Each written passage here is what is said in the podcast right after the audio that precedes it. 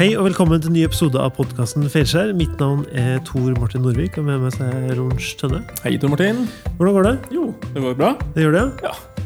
Er du klar for eh, en ny episode? Ja, gleder meg til den her. Kan du på en kort og elegant måte oppsummere hva er greia med podkasten Feiskjær kunsten og trynet med stil? Den starta som sagt før, så mange ganger før òg. Det at vi eh, kjørte en runde internt i Uredd på at vi kanskje måtte begynne å bli litt mer uredd sjøl.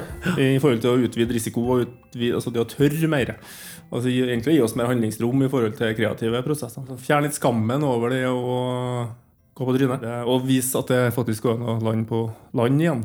Som gjør at en kanskje utvider risikoen litt senere. Og nå sitter vi her eh, 30 pluss gjester senere, og i dag så har vi med oss eh, nok en, eh, ja, en kar med en ganske sånn eh, lang eh, LinkedIn-profil, egentlig. Ja.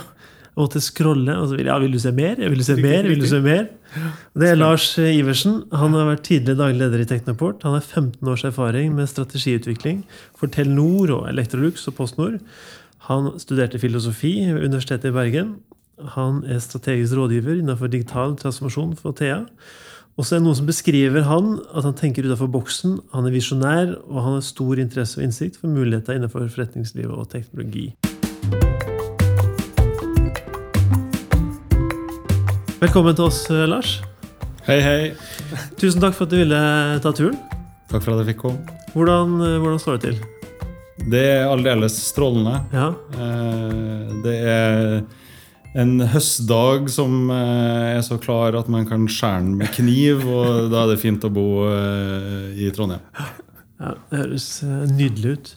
Hva tenkte du når vi sendte en mail om å bli med på Fjellskjær?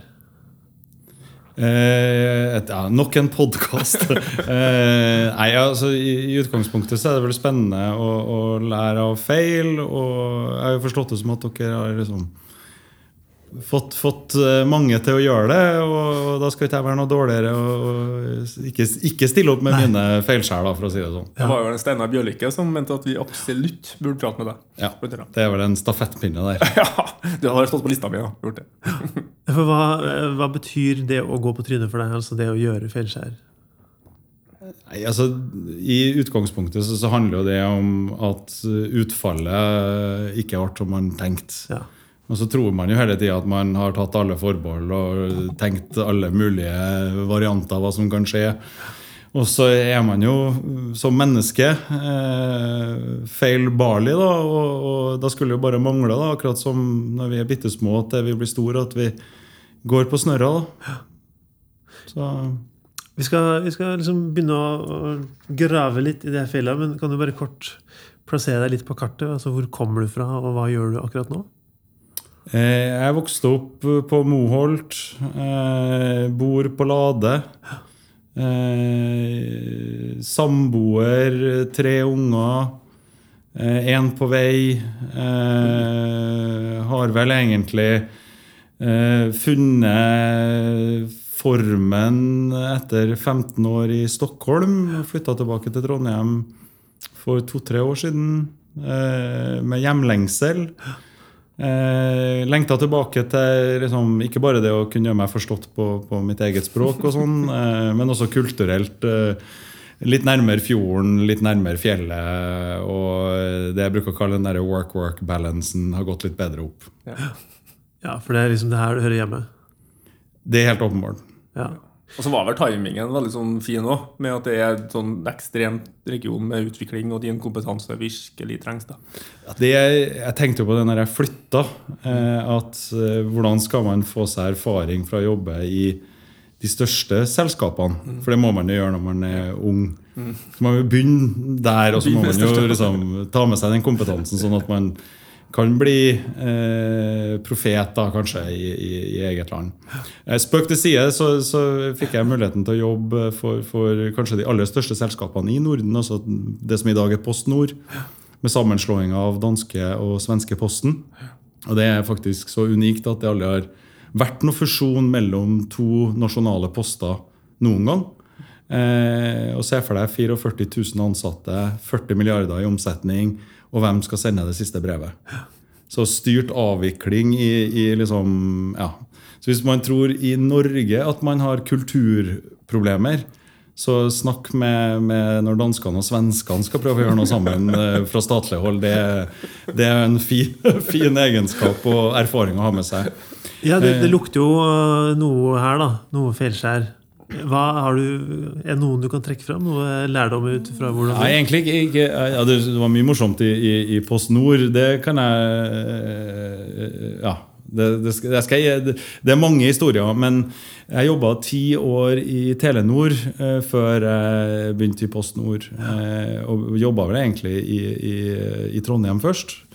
Som jeg tror jeg var mer enn 24 år, så fikk jeg muligheten til å bli, å starte opp en virksomhet i Telenor. Eh, og under det som da er retail-delen til Telenor, altså det som i dag er Telenor Stores. Eh, og det vi skulle gjøre, var egentlig å ta eh, alle dem som da plutselig hadde begynt å ha behov for e-postadresser.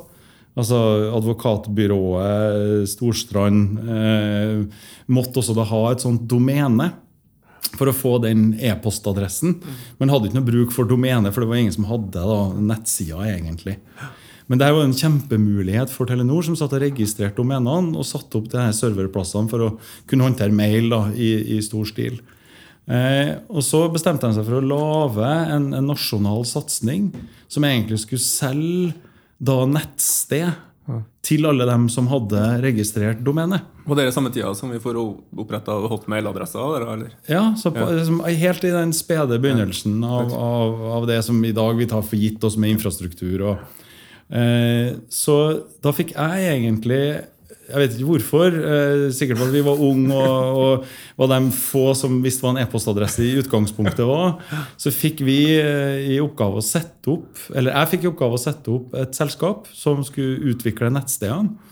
Eh, og rett og slett da fikk hele kundelista over alle som hadde registrert domener, og kunne ringt dem. Og vi var de første som overhodet liksom snakka om at et advokatselskap burde være på nettet, for å si det sånn.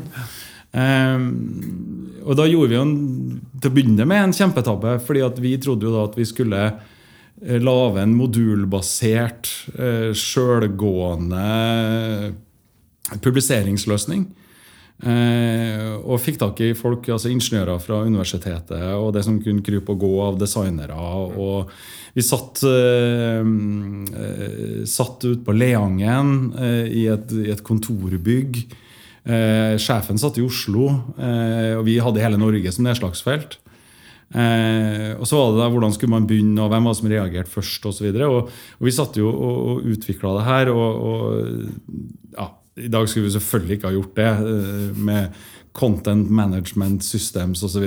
Som, som liksom er en, en, egen, ja, en, egen, industri, for å si det sånn. Så, så, eh, men det lærte vi. Eh, men det som var nesten enda viktige lærdom for meg i hvert fall, det var at vi fikk, når vi var rundt og snakka med virksomheter, så fikk vi en del utfordringer for folk som sa men dere som holder på med Internett, kan ikke dere eh, fikse? Vi har noe som, som skulle ha vært løst. Og, eh, og, så var vi jo da utviklere plutselig. Og, og ja, men vi kunne jo sikkert ta på oss sånne jobber. Og en av disse jobbene var eh, en stor pizzabaker.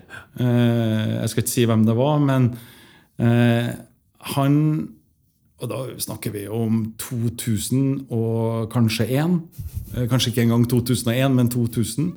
Så sier han tenk deg hvis de som bestiller pizza på telefonen i dag, kan gå inn på telefonen sin og bestille en pizza, og så går den bestillinga helt fram til pizzabakeren. Og så får han en melding etter at først så får pizzabakeren melding om hva han skal lage. Og så sier han fra når han er ferdig, og så tar han betalt, og så kan dere komme og hente den.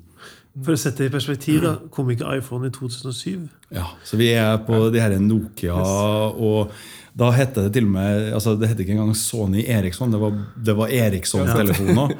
eh, og det var jo sånne grønne skjermer. Vi hadde knapt tekstmeldinger. Eh, men det var jo en kjempespennende utfordring. Eh, og da, liksom, da, får du jo alle disse utfordringene for første gang. Ting som i dag vi tar som en selvfølge, at du kan gå og bestille en pizza på nettet. Eh, men da skulle vi på en måte tenke ut hvordan det skulle gjøres for denne pizzabakeren. Eh, og vi fikk egentlig frie tøyler, eh, og satte i gang å utvikle Eh, og i og med at det var ingeniører inne i bildet, da, så, så ble det jo systemering. Og folk hadde gått på skole for å gjøre det her. og Man skulle tro det var liksom kraftanleggene til NT vi skulle bygge. Men det ble redundans, og, og det, var, ja, det, var, det var så fint det der at eh, vi kunne hengt det i et juletre. Men så hadde vi ved siden av der vi satt og jobba, på denne tida så røyka man. Så litt sånn der Mad Men-stil. Altså, eh, så vi, var, vi fikk ikke lov til å røyke inn. da for det var noen som ikke røyka, så vi hadde bestemt oss for at vi måtte gå ut. Og i garasjen der vi sto og røyka Høres ut som en sketsj. Det er e-postgjengen i garasjen ja, ja. som sitter Og så eh, var det en som satt på Også for Telenor, da, men satt og monterte sånne handsfree-sett i bilene. Så det var liksom jobben hans. Han var en tekniker, og, og han røyka rullings, tjukk, tjukk sånne, Han var kjempeflink der og hadde alltid en sånn som en fisker. Da, en sånn sneip i, i, i munnvika konstant. Så, eh, men jeg hadde jo snakka med han, for vi var ute og røyka, og han var her nesten hele tida. Og vi fikk lov til å røyke i garasjen hans, egentlig. Og det var sikkert dårlig vær og kaldt, det var derfor vi sto der. Men så var vi liksom den gjengen som satt og jobba med, med pizzautfordringa. Eh, vi, vi, tok en pause, så gikk vi ut der. Og så hadde jeg gjort en vane når jeg hadde prata med han, for han var egentlig det nærmeste jeg kom sunn fornuft. Eh, så hver gang jeg hadde trøbbel, så brukte jeg alltid å spørre han. La fram problemstillinga så godt jeg kunne, og så sa jeg hva tror du? Og så kunne han si jeg er helt tull, eller hva holder dere på med? Og, nei, det vil jeg være. Nei. Og så tenkte jeg, sånn, Nå var det like før vi skulle opp til kunden. Det var kanskje senere på dagen eller dagen etterpå. Og vi var kjempefornøyd med det. Den denne Løsninga vi har tatt fram med redundans og, hele pakka, vi hadde faktisk løst problemet. Eh, den skulle ligge på om lag to millioner kroner. Og ja, Sikkert mer penger da enn det er nå, men ikke sånn kjempemye. Men, men en ganske stor liksom, løsning. Og så akkurat i det på en måte jeg har forklart den problematikken og sagt det her er det vi har tenkt å presentere, så liksom snøfter den bare, og den sier egentlig ingenting. Eh, men jeg bare akkurat i det jeg går ut døra, så tenker jeg jeg skal si Men hva ville du ha gjort? Og så hører jeg bare at den sier det går an å sende SMS til faks. Og så lukker jeg igjen døra. Og så dro vi ut til kunden, og så tenkte jeg rett før vi skulle sette oss i bilen og gå ut og kunden, så jeg Faen, hva han sa? Går det an å sende SMS til faks? Og Så gikk jeg inn og sa vent litt, vi må bare gjøre en ting før vi drar. Og så sa jeg hva er telefonnummeret til faksen? Og det, det hadde, Alle hadde faks på denne tida. Og så tok jeg telefonen min og så sendte jeg en SMS til det faksnummeret hvor det bare sto 'Hello World', da, som er en sånn her, eh, gjennombruddsmelding i alle verdener, også i den her. Og så kom det ut 'Hello World' på faksmaskina. Og så var det sånn her Å nei! Å nei! Og så dro vi ut til kunden, og så måtte jeg si at jeg har, jeg har to, to, meldinger. altså en dårlig og en bra. Hvilken vil du ha først? Og så sa han nei, jeg får vel uh, ta, ta, den bra, da. Så sa jeg vi har løst problemet. Å, så kult. Ja, Hva er den dårlige, da? At det kosta ingenting. Og så fortalte jeg om hva vi hadde tenkt, altså hva vi hadde tenkt å gjøre med, med hele sånne svære løsninger. Og så sa jeg har du en faksmaskin. Så sa han, ja. Så sa jeg kan jeg få nummeret. Ja. Hvilken pizza skal jeg bestille? Og så sa han ja, du bestiller nummer 11. da. Så sa jeg ja, så det er nummer 11. Og så skrev jeg navnet mitt, og, og så kom jo telefonnummeret på toppen av faksen. Og så sa han 'Å, dæven'. så sa han det var jo kjempefint. Og det var e-handelsløsninga for å si det sånn, for, for, for pizzabakerne i sikkert ti år. Så fantastisk. Så eh, det var en kjempefin tabbe. Og Steinar var jo selvfølgelig med og gjorde det her i, i sin tid. Eh, før han ble teknisk sjef i NRK. Så, så, jeg vet ikke hva kompetansekravet der var da. Eh, men det her gjorde han i hvert fall først. Han snakka om at han hadde en sammen. Det var han her, det. ja, det er herlig. Og det er så fin også, for det er så beskrivende på, på at det er ikke alltid at er det, at... Ja, det, det jeg har lært av deg, At, at hvis vi vi har en tendens til, til, til å gå veldig grundig til verks for å løse veldig enkle ting. Eh, og det kler oss ikke. Eh, og det er ikke noe Det, liksom, det betyr også at, at vi, vi, sitter sannsynligvis med, med, veldig kompliserte løsninger for, for, enkle ting også i hverdagene våre, i livene våre. Så, og det har jeg tenkt mye på, også det der å finne en, en sånn en backbone i livet, altså en sunn fornuft. altså en, en person eller flere personer som man kan snakke med, eh, som, som faktisk kan, kan si at eh, nå, nå får det holde. Liksom, nå, nå ble det vel fancy. Send og- SMS til faksen i stedet. ja, og, og alle sammen burde ha en, en sånn person i, i, i livet sitt, tenker jeg. Du jobber jo nå med Den syns jeg var veldig fin. Ja, det gjør det. Men jeg tror det er en sånn fin bro til det å snakke om sånn digital transformasjon. Eh, Hvordan eh, Kan du liksom snakke rundt sånne klassiske feilskjær når det kommer til digital transformasjon? For det er det du jobber med nå. Å hjelpe folk gjennom det, egentlig. Da, da, hva er dine liksom refleksjoner rundt det? altså Typiske gå på snørra situasjoner? Nei, altså Det ligger mange meninger og holdninger og tanker rundt hva digital transformasjon som, som det er folk i rommet til enhver tid. Så Derfor så er vi ikke enige om hva det er for noe. Eh, Og derfor så Når vi skal begynne å, å gjøre noe med det, så blir vi som unger som sitter i sandkassa og leker ved siden av hverandre. Vi leker ikke med hverandre. Eh, Og Jeg trodde at du skjønte hva jeg sa, og, og når vi la denne planen, så trodde jeg at det var det her vi skulle få. Eh, og digitalisering handler veldig lite om å si, optimalisere og effektivisere og automatisere og få mer for mindre. Eh, det er på en måte litt den gamle 80-talls IKT-tenkinga.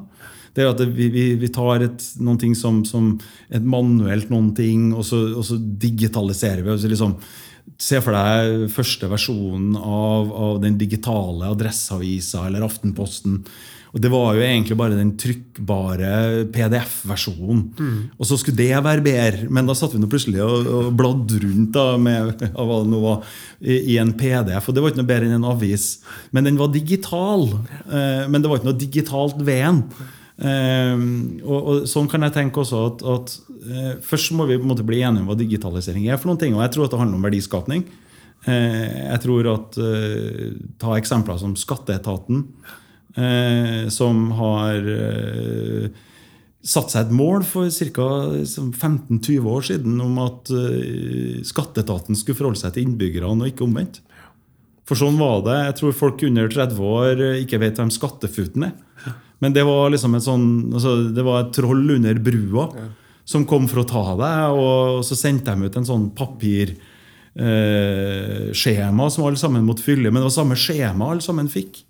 Og så var det da det skjemaet måtte inneholde liksom alle tenkbare varianter av liksom, skattbare forhold innbyggerne i Norge kunne ha. Og så måtte man da navigere da, for å finne den der 5% som du skulle fylle ut. Eh, bare kostnaden for å sende det ut eh, var sikkert fint for posten. da eh, men eh, Og så satt der, folk låste seg inn og, og drakk seg full og prøvde så godt de kunne da, å fylle det her.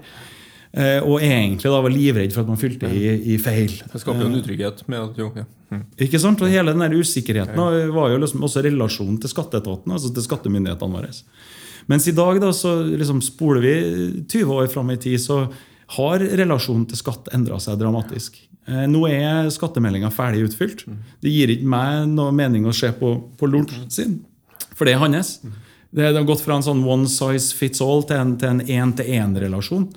Så, eh, Og kostnaden for drifta av skattesystemene våre nå er lavere, har jeg hørt, enn bare feilrettingsfunksjonen på OCR-lesninga og papirskjemaene var i sin tid.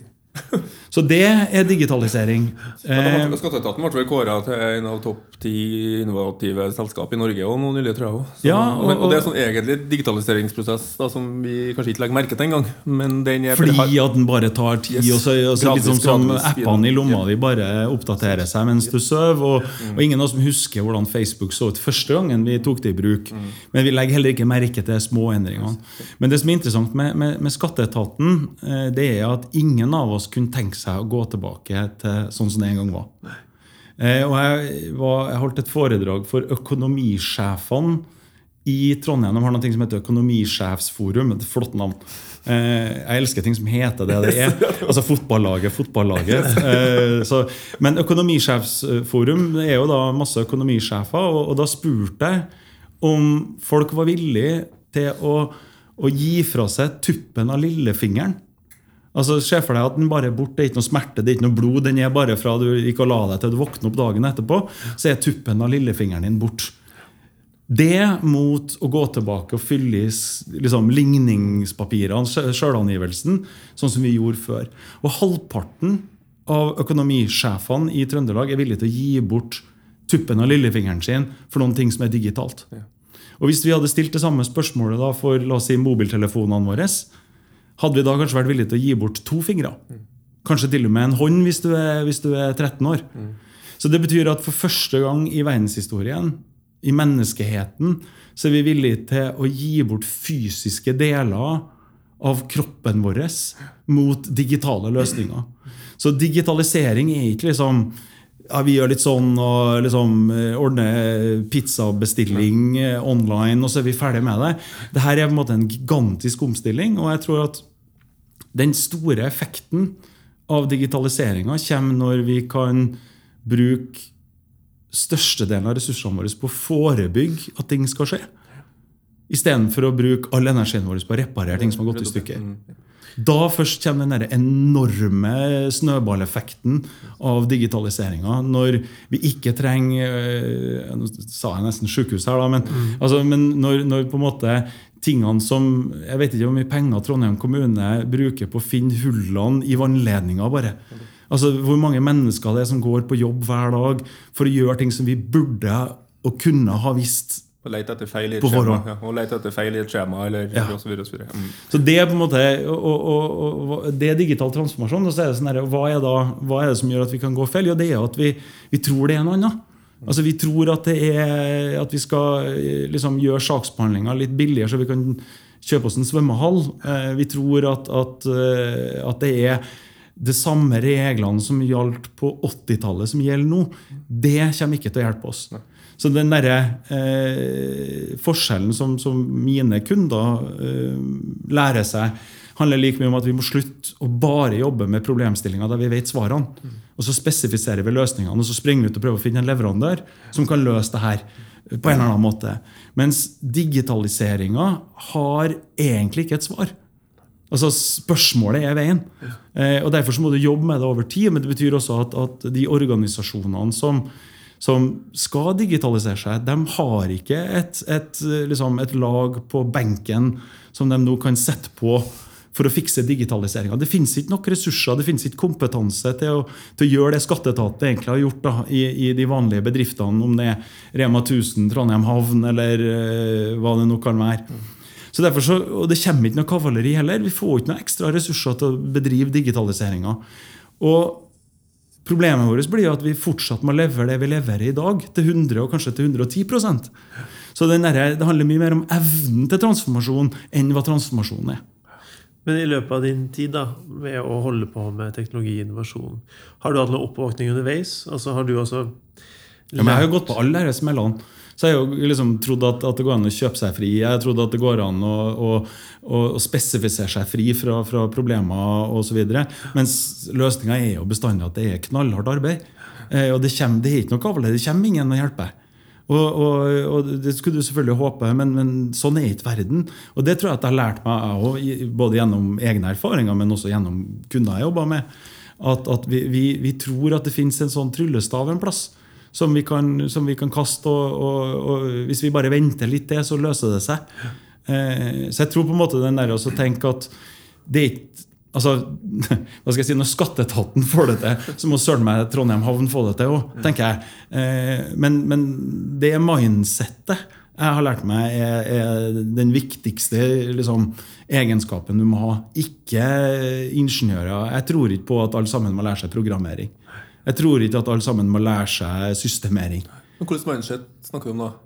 Eh, Transformasjonsevne. Alle sammen, vil, alle sammen vil ha endring, men ingen vil endre seg. Eh, Det er kanskje det, det jeg har lært meg. At, at Derfor må du jobbe med, med, med kulturen i organisasjonene. Og så må du innse at jeg må gjøre noen ting i dag, noen ting i morgen, men jeg må sette i en annen form for system mot et langsiktig mål. Og jeg synes Det målet som skatteetaten hadde, det er ganske vagt, men, men det har de tross alt innfridd.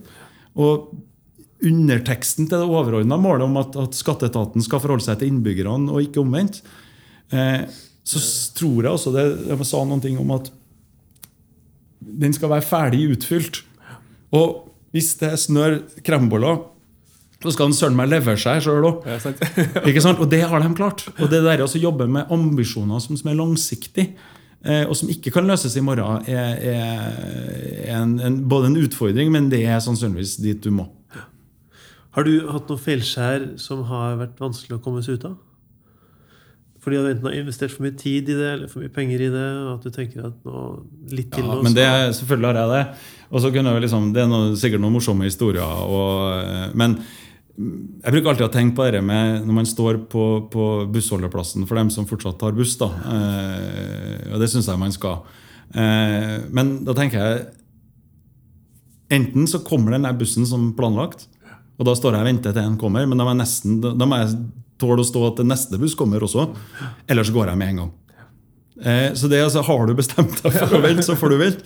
Men har du bestemt deg for å gå, så må du søren meg gå med en gang. Ellers er det ikke noe poeng i det. For det eneste som skjer da, ellers det er at det havner på halvdistanse. Og akkurat når det har gått, så kommer bussen, og så føler jeg deg dum. Men hvis du har bestemt deg for å gå, så er det i orden. Eh, og Det jeg liksom, det er erfaringene mine. At, at det å bli sittende og vente, det hjelper ingen. Å, sitte og, og havne på halvdistanse er det verste som kan skje. Da begynner du å oppføre deg dårlig. Eh, og jeg tror det var en Bergman som sa det at den største drivkrafta i, i alle mennesker er at vi har blitt udmyka. Så den der udmykelsen eh, gjør at, at folk begynner å oppføre seg dårlig. Eh, og det preger mennesker. Og jeg bruker alltid å tenke på alle sammen som i en eller annen grad da ydmyka. Og, og, og det gjør at du får respekt, empati. Eh, og, og hvis du klarer ja, Eller hvis du klarer da å kanalisere den der ydmykelsen, eh, så er den et verktøy. Så er den liksom en, en kraft, en energikraft, som, som du kan utnytte nå. Eh, men da, hvis du fortsetter å havne på halvdistanse, så fortsetter du å bli på en måte den der som står litt og, og, ser dum ut, eh, til istedenfor å bruke det til en fordel. Så jeg tror at, at udmykelsen som drivkraft er noen ting som jeg har lært meg, men som også er da når jeg har dumma meg ut, blitt udmyka. eh, og vært redd for hva folk skal si om meg, eller åssen det så ut, så har jeg tenkt at jeg skal i hvert fall ikke havne på halvdistanse. Jeg skal, ikke bli stående der. Liksom, da får jeg heller gå, da. Eh, og jeg, jeg, jeg går heller enn å stå og, og vente med hendene i lomma og se dum ut.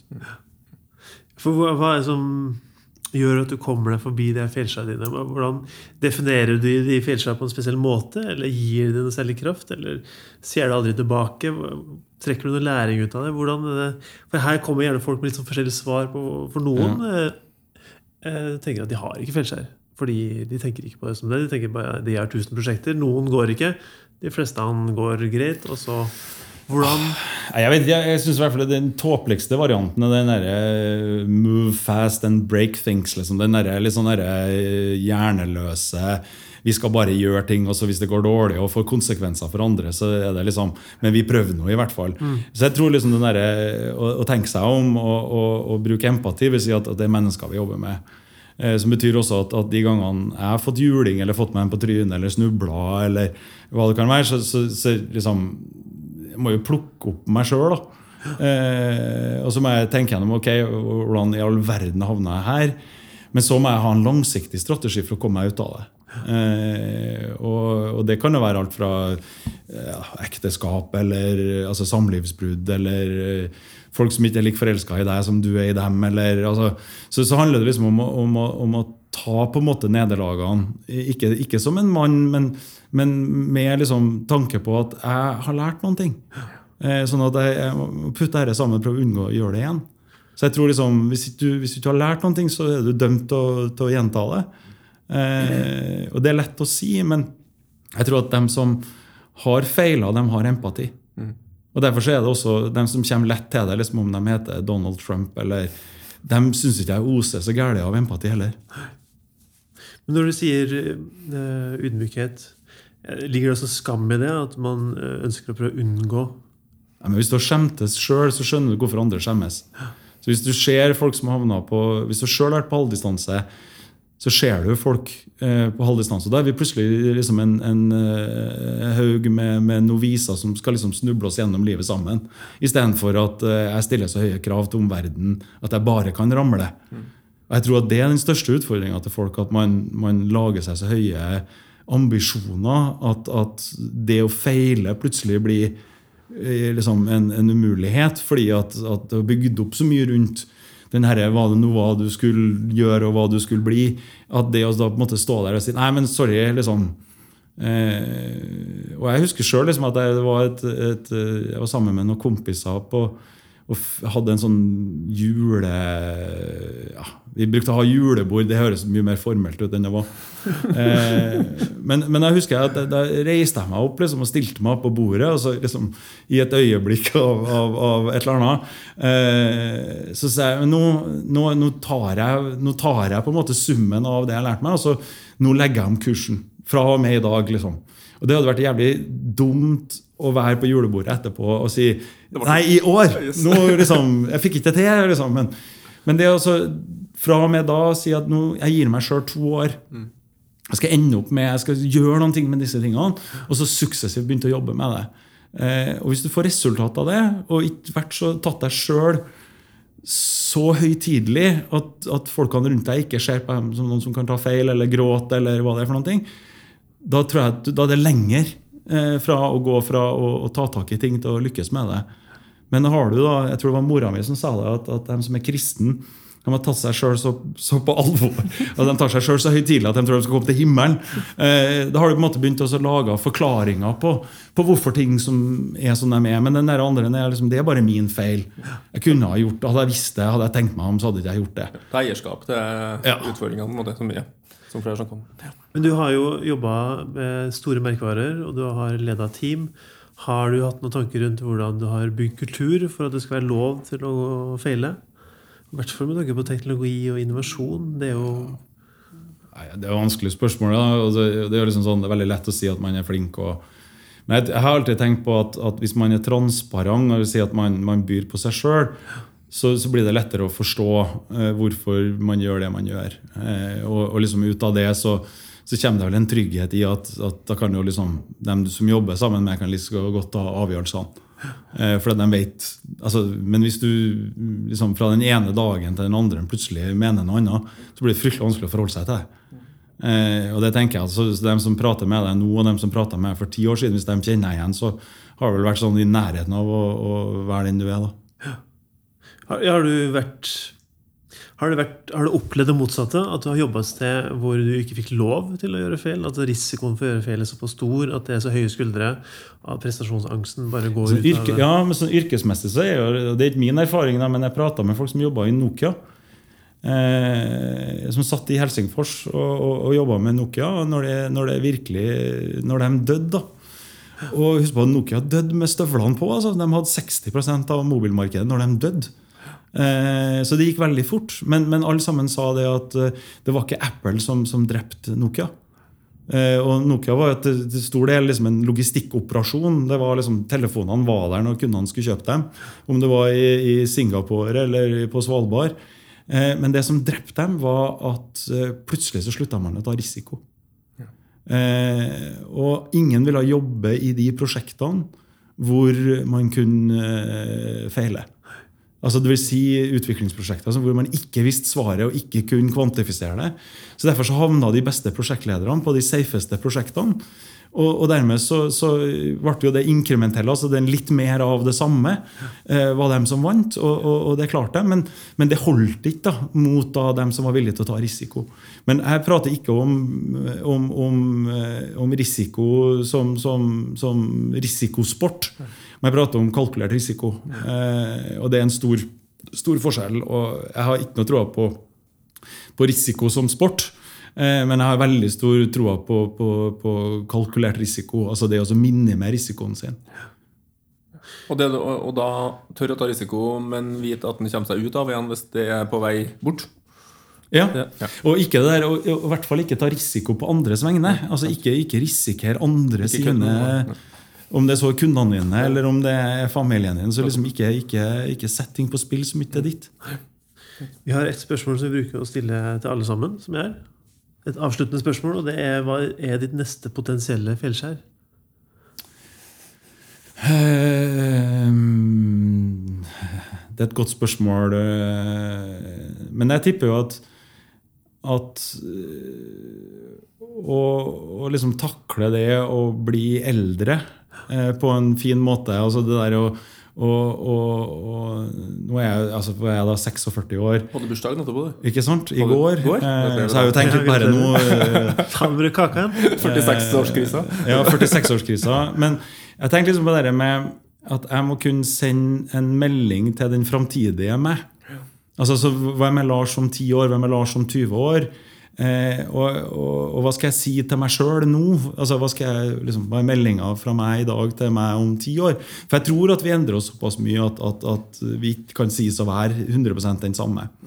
Og da er En av de tingene som, som jeg ser rundt meg, det der å, å, å aldres med verdighet. altså Den klokskapstenkinga som, som kanskje man var flinkere på før i tida. Eh, det er jeg livredd for at jeg skal mislykkes med. Eh, og at jeg skal havne sånn livsmessig på, på, på halvdistanse. Eh, om jeg tror det kommer til å skje, sikkert ikke fordi at jeg tenker på det.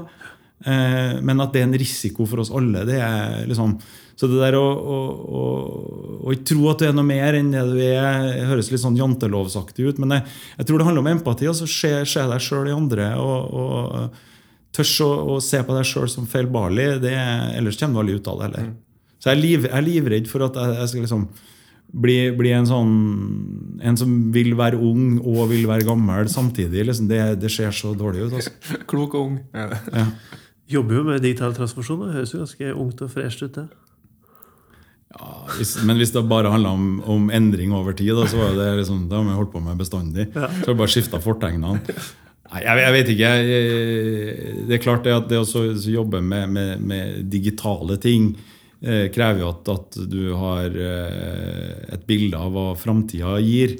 Vi skal jo tross alt liksom planlegge, eller jeg hjelper jo kundene mine for å si det sånn, med og hvordan, de skal, altså, hvordan skal de bedrive verdiskapning om 10-15 år? Da må du først vite hvordan det markedet ser ut, hva forutsetningene det markedet er, eh, og, og hvem andre som kommer til å, å, å levere verdi i et sånt marked. Og så skal du da på en måte finne ut hva skal jeg gjøre i dag for å, for å ta den posisjonen. Eh, og, og det handler litt om teknologi. Så jeg tror at eh, liksom, det å legge alt i, i tek, altså Teknologi er egentlig bare muliggjøreren. Eh, og den kommer til å endre seg, det vet vi. Eh, mens verdiskapning om 15 år er ikke nødvendigvis drevet av teknologi. Eh, og jeg vet ikke, Det var en gang noen som sa det at den dagen grisen sier hei, så kan ikke vi spise dem lenger. Altså, og, og på samme måte som den, den største endringa i tida som har vært, var egentlig likestilling. Altså Likestillingsrevolusjonen var jo mye Det større. er jo det er, det er jo en ting som jeg har adoptert litt fra deg, Lars. Du var jo noe av det klokeste jeg har hørt eh, noen gang. Når jeg snakka om en gang at hvis en går tilbake på science fiction-filmene i sin tid, altså hva vi forutså og ikke forutså, ja, du kan jo si det sjøl selv, selvfølgelig, men det at vi, duppedingsene som vi forutså i science fiction-filmene fra 50-60-tallet, det har vi truffet ganske godt på. Men ingen forutså likestillinga.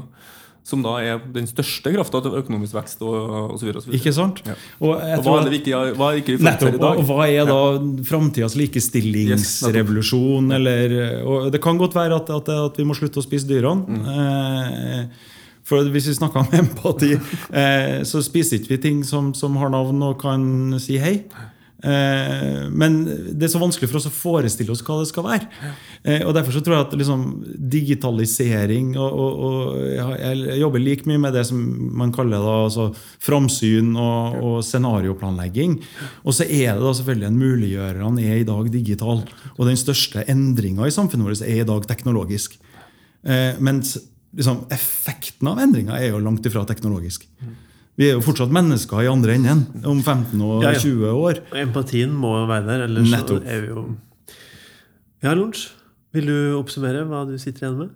Dessverre så er vi jo flere her som har litt dårlig tid akkurat nå, så vi skulle gjerne ha hatt en lang prat med Lars om ting. Men jeg tror det som jeg har med meg mest fra denne samtalen, her er litt sånn forlengelsen av det vi snakka om nettopp i forhold til eh, vi kan, altså, Digitaliseringsprosessene handler jo om å forutse og lage et scenario om 10-15-20 år. Men den viktigste jobben som gjøres, er det nettopp det vi snakka om i stad, men Lars snakka om tidligere her, i forhold til det med hva er framtidens likestilling? Altså hva er det som er vi ikke klarer å sette to strek under svaret på noe, for vi klarer ikke engang å ev Vi har ikke evnen i dag engang til å forutse det. Hva det er som kanskje er der. Og den, å ha den ydmykheten på det at eh, det er bare verktøy som vi holder på med nå. Men vi skal være rigga som mennesker og som kultur og som bedrifter til det å i hvert fall ta imot sånne typer endringer. Det verste som kan skje nå, er jo bedrifter som ikke forholder seg til miljø, miljøomstillinga, f.eks. Som klima- og miljøomstillinga. De som nekter på det, kommer til å komme i bakleksa. Må forholde seg til på en eller annen måte. På litt linje med at noen måtte det òg med, med, likestilling i sin tid.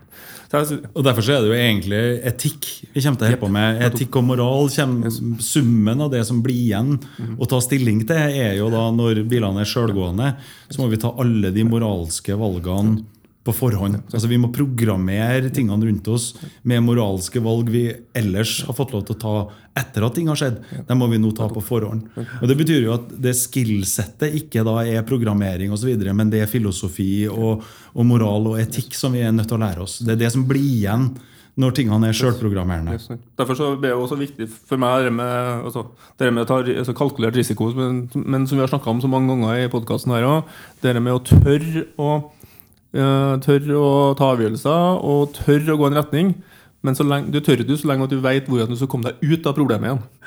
Så det er egentlig feilskjærene eh, altså, altså Visjonen, altså etikken i, eh, i feilskjær. Altså, Podkasten her handler jo om det, føler jeg. da Det med å lage modeller og lage kulturer for at det er lov til å teste nye ting, men vite at du kommer deg ut av det hvis at mm. du er på vei mot en feil. Hvis vi slutter, sånn som du forteller fra Nokia, for eksempel, hvis vi slutter De visste ikke hvordan de skulle komme seg ut. Da. De torde ikke å feile. De torde ikke å ta risiko. Mm. Da dør de, selv om som jeg sier, med støvlene på 60 Ja, Eller så havner de på den derre uh, armlengdes. Altså den derre der eh, litt pinlige situasjonen at det er verken det ene eller det andre. Ja. Da er det bedre å, å, å faktisk ja, ja, synes jeg er et godt bilde her med å stå. Altså. Den skal jeg ta med meg. Skulle jeg huska på det tidligere. Ja. så bra. Jeg vil bare ende med at en herlig filosofisk eh, spørsmål det er hvis grisen begynner å prate. Mm. Hva er det første han sier? oh, hello world! ja, Stiller SMS til faksen. Ja. Nei, ja, det han kommer til å si, er, nei, men det han kommer til å si er, er ja, why, altså fuck you guys.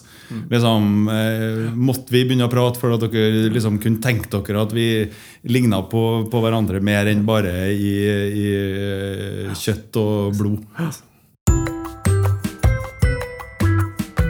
Da har vi kommet til en delen eh, som vi kaller for avskjedsgave. Altså hva er det som har vært deg glad den siste uh, uka? Så er det noe spesielt de siste syv dagene som har gjort livet litt lysere? Um, det er jo sånn dagsaktuelle ting. så er det klart Når, når uh, den amerikanske presidenten uh, Donald Trump liksom er i ferd med å bli stilt for i hvert fall forsøkt stilt for riksrett, uh, så, så, er det jo vanskelig å ikke synes det er veldig, veldig positivt for, for, resten av verden. Men, men, sånn personlig så, så har jeg en, en datter på, på ett og et halvt år. Eh, som Det høres bare klisjéaktig ut, men det er, liksom, det er så herlig. Og det å forstå verden gjennom ungene gir så mye. Eh, og jeg prøver sånn derre i alt å, å, å, å, prate med folk istedenfor til folk. Mm. Eh, og Det betyr også at jeg må sette meg ned med hun og være i, i, hennes verden så ofte jeg kan. Og det, det bare Da blomstrer det inni meg òg. Ja, Kjempetrivelig. Du, Jeg hiver meg på samme leia, for at den er så tett på. Eh, min sønn eh, Kåre eh, har jo vært i Mallorca ei uke. Og det å møte han på flyplassen igjen Jeg var litt spent, da, faktisk. Men det å møte han og den gjensynsgleden som var, den var bare, det kjenner jeg kan leve på i, til han blir 18. Så det var sånn veldig fint, syns jeg. Ja. Så, Bra. Det veldig, sånn, mm, så det er ikke noe anbefaling på ting. Jo, jeg har sett en hel serie med, to serier så jeg faktisk de siste uka. Og det syns jeg var fint. Uh, The Spy på Netflix. Uh, med han tidligere Borat-film. Uh, Sasha ja. Cohen. Jeg syns den var fin. Ja. Var bra. Så den uh, ser den. Ja. Det var kult. Du, du det er siste gangen jeg skal prate om boka mi, men nå men boka, for, mi. boka mi For et par dager siden så fortalte jeg jo omverdenen slapp katta til sekken at jeg har laga en bok om min venn Linda. Og nå har jeg fått solgt til sikkert alle, hele familien hennes og alle naboene hennes og alle i Fagerstrand. Så det er kjempegøy. Så nå skal vi bestille trykking og få sendt det ut til de folka i Norge som har bestilt boka. Og det er, ja, det er kjempegøy når noen reagerer så positivt på det. Laga nettside, så ja. Nettside har vi lagd. Min venn eh, linda.no. Yes. Okay. Mm. Så der går det an å gå inn og Jeg tror den er ganske morsom, den boka. Har jeg hørt. Så det er verdt å lese.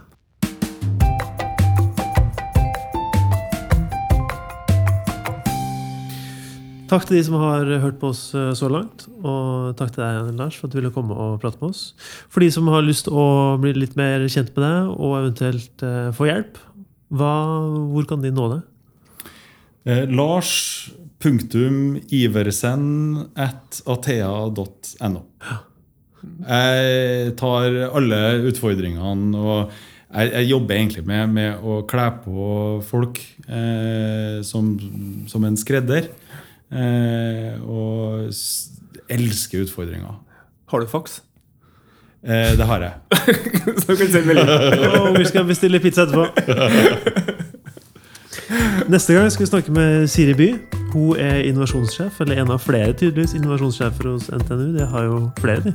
Ja, hun jobber i noe som heter TTO. Tren, Hva heter det igjen? Norsk Trans... Technology transfer Et eller annet. Men NTNU. Men, NTNU. er, ja, det er NTNU-systemet, men det er en eh, selskap på sida her som skal skal kommersialisere og internasjonalisere forskning, forskning, og, forskning fra NTNU. Ja. Vi får spennende å høre om det har vært noe feilskjær der. Ja, spennende. Og de som hører på, hvis du har en eh, historie du å dele med oss, ta kontakt. Enten via mail, feilskjær.uredd.no, eller Facebook eller Instagram. Finn oss der. Gi oss gjerne stjerner eller en anmeldelse på iTunes, for det er fint, for da øker synligheten, og så blir vi veldig glad å høre hva du tenker. Podkasten her er produsert av Uredd og Lydsporet Media og kommer ut hver mandag. Ha en fin dag. Ha det. Ha det.